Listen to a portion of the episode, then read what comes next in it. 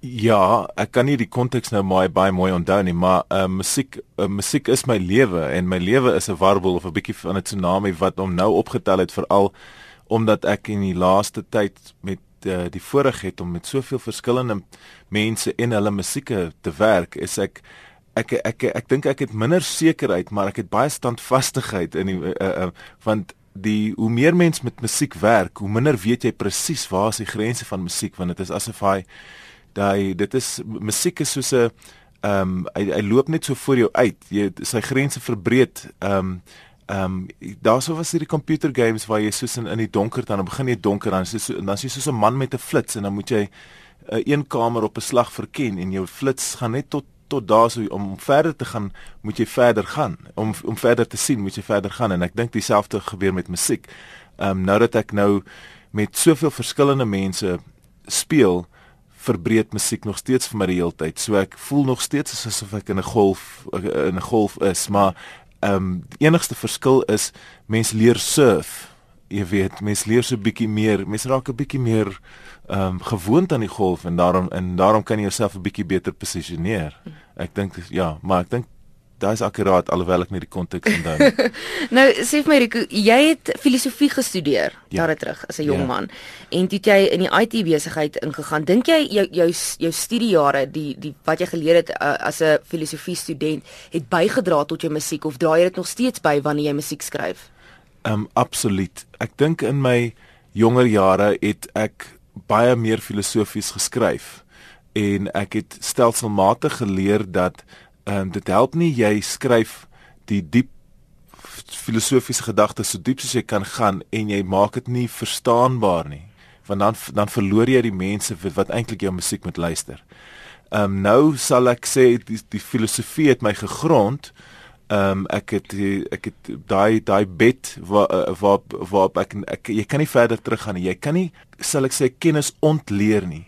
Maar jy hoef dit nie altyd so prominent te maak nie dit is nie die belangrikste fokuspunt nie. Ek ek het ek het ehm um, liedjies geskryf oor morele dilemmas. Ehm um, in uh, soos byvoorbeeld ja, veral daarso in die jare uh, 2001 so het ek het ek 'n morele dilemma gesien en dan het ek daaroor gaan skryf want my filosofiese agtergrond het vir my ge, geleer om te redeneer en dan wil ek dit in in in in liedere wat my ander passie was, ehm um, dan uit uh, uitpleis. En ek het agtergekom daai is lekker, dis lekker vir my, maar dan is dit 'n serebrale liedjie.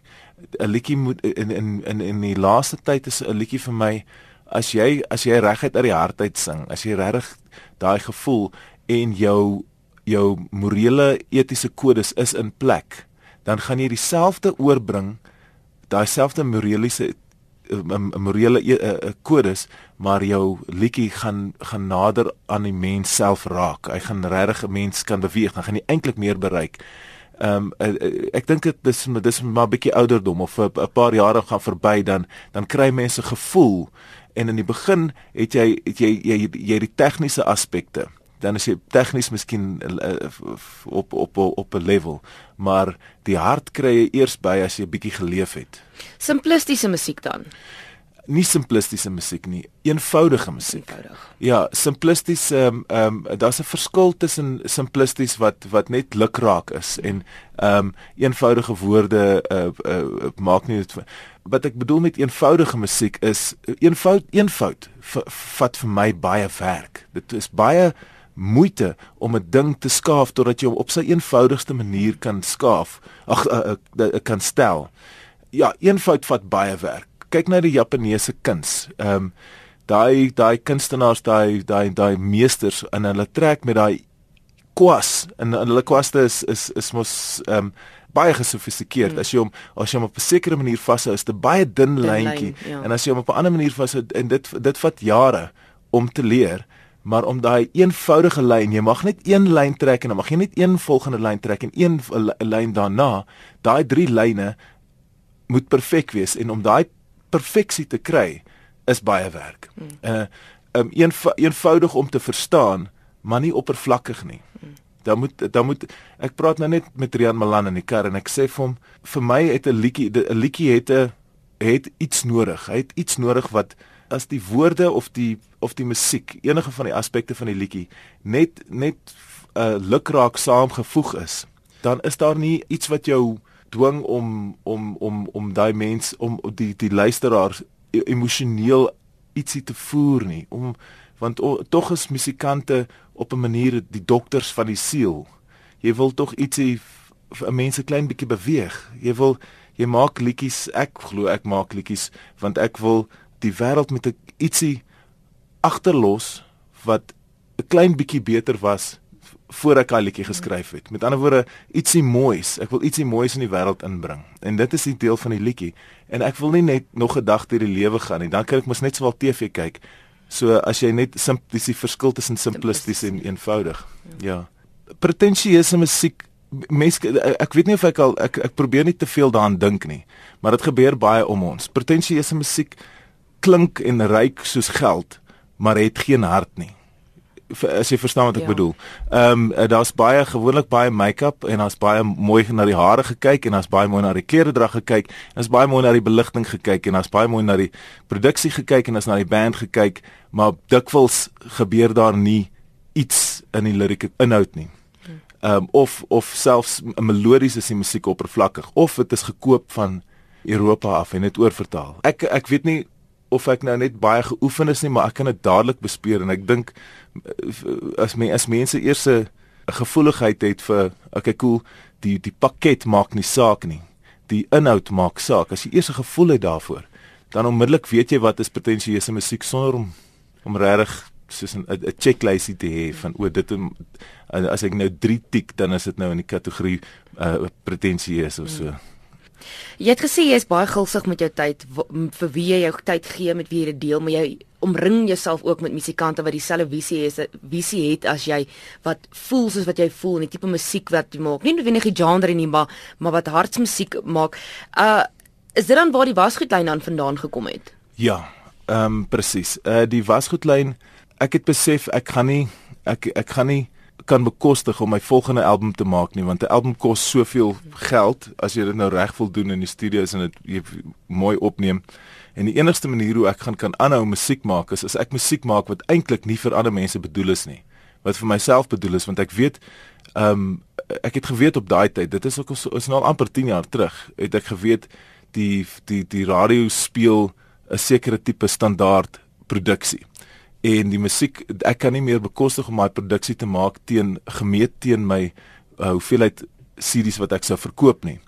Met ander woorde, ek het ek moes 'n um, 'n uh, 'n oorlewingsbesluit maak en daarom het ek wat ek gedoen het is ek het um, ek met my IT werk het ek vir my bietjie gespaar. Ek het nie my nie geld uit my musiek uitgemaak nie, maar my my IT het ek die uh, al die instrumentasie wat ek nodig gehad het, instrumente en uh, mikrofone en 'n studio ge, vir myself gebou wat ek baie maklik in die agterkant van my uh, karboot kan sit en ek kan ry daarmee en daar het die wasgoedlyn gebore geraak. Uh, ons het nie klankdigte kamers gehad waarna waar ons opgeneem het nie, maar dit het ons nie gestop nie. Ek onthou die eintlik die eerste opname wat van die wasgoedlyn CD wat ons uh um so 'n paar jaar terug uitgereik het, was 'n uh, opname van Piet Botha wat op my stoep gesit het en hy het gespeel en Gert Bond uh, Gert Vloknel het bietjie kom wegkruip daar op die plaas waar ek gebly het en hy het 'n bietjie mondvletjie gespeel en die voeltjies was in die agtergrond en die die die honde het verbygeloop en jy hoor hulle pote klik, klik, op en die voeltjies fluit en die wind waai en die blare ritsel en al daai klanke het ek gedink vir myself maar hierdie is die mooiste. As ek nou in 'n studio was dan sou daai mooi nie daaraan gewees het nie. En toe het ek in plaas van om die die klanke uit die musiek uit te hou het ek gesê maar kom ons gaan na nog interessante plekke toe. Kom ons gaan see toe. Kom ons gaan kom ons gaan neem op in die berge. Kom ons gaan neem op in in voorkamers voor kaggelvure en kry die klanke van daai gemeenskap van dit is tog nader aan waar die mense wat eintlik luisteraars is werklik lewe. So ons ons bring ons klein bietjie realiteit van hierdie is die gemeenskap waar ons nou opneem. Vandag is ons byvoorbeeld in Emarensha of ons is in of ons is by die see of waar ook al ons is en ons sê vir die mense wat in op ander plekke is in die Bosveld of in in Kuruman of uh, waar ook al en ons sê vir hulle hierdie is 'n fotootjie, 'n klankfoto van ons wêreld daarso en ons bring dit vir julle en ons so bind ons eintlik meer mense by bring ons mense by mekaar op daai manier. Die wasgoedlyn het begin uit uit 'n noodgedwonge oorlewingslus, maar ook 'n vangnet van musikante en mense wat um, ek ek ek sou nie sê presies my visie deel nie, maar my visie op hulle eie manier met hulle eie visies verbreed en verryk deur juist dat dit nie soos myne is nie. Hmm. En dat hulle dat hulle ja, op hulle eie wêrelde bietjie na my toe bring. En dan ewe skielik sien ek, o, oh, maar ek wil nog ek wil nog die wêreld ingaan en nog mense gaan ontmoet wat anders is as ek is. Ek wil ook anders in musiek. Ek wil nie noodwendig ehm um, ek wil nie die, die die dit wat ek al reeds gevind het weer gaan vind nie. Ek wil ek wil nuwe goeders gaan vind en ek wil ek wil dit alles bymekaar sit en dan wil ek dit vir mense gee en sê o, miskien hou jy hiervan, miskien hou jy hiervan, miskien miskien verander ek tog 'n mense se se se se denke oor wat wat is aanvaarbare musiek want die musiek wat ek gemaak het, het ek gedink is um, in die begin het ek gedink o, okay, cool, ek gaan dit nooit op radio kry nie, so ek gaan dit nie eens probeer op radio kry nie, maar nou sien ek die wêreld het verander want ek dink mense het ook gemoeg geraak vir vir uh, die steriliteit van dieselfde tipe klank oor en oor hoor want die industrie wat 'n baie sterk industrie is het homself so ver op 'n groot Titanic gesit dat alles wat daar uit daai mus musiekindustrie kom wat wat deesdae is klink dieselfde. So dis baie maklik vir my wat nie by wat by as jy van daai uh um um konserte of van daai elemente van die musiek nie hou nie om net te weet wanneer daar 'n konsert is is dit baie lekker want al daai mense is by daai konsert dan kan jy omtrent enige plek in die aarde wees en dan gaan dag in die vrede kry. Ons is die minderheid en ons verkies die kalmte van 'n oop kampvuur van 'n 'n 'n 'n lekker piknik van 'n musiek wat nie te veel lawaai nie. Nie elke sekonde hoef te gevul te word met 16de note nie want ek dink nie ons is bang vir stilte nie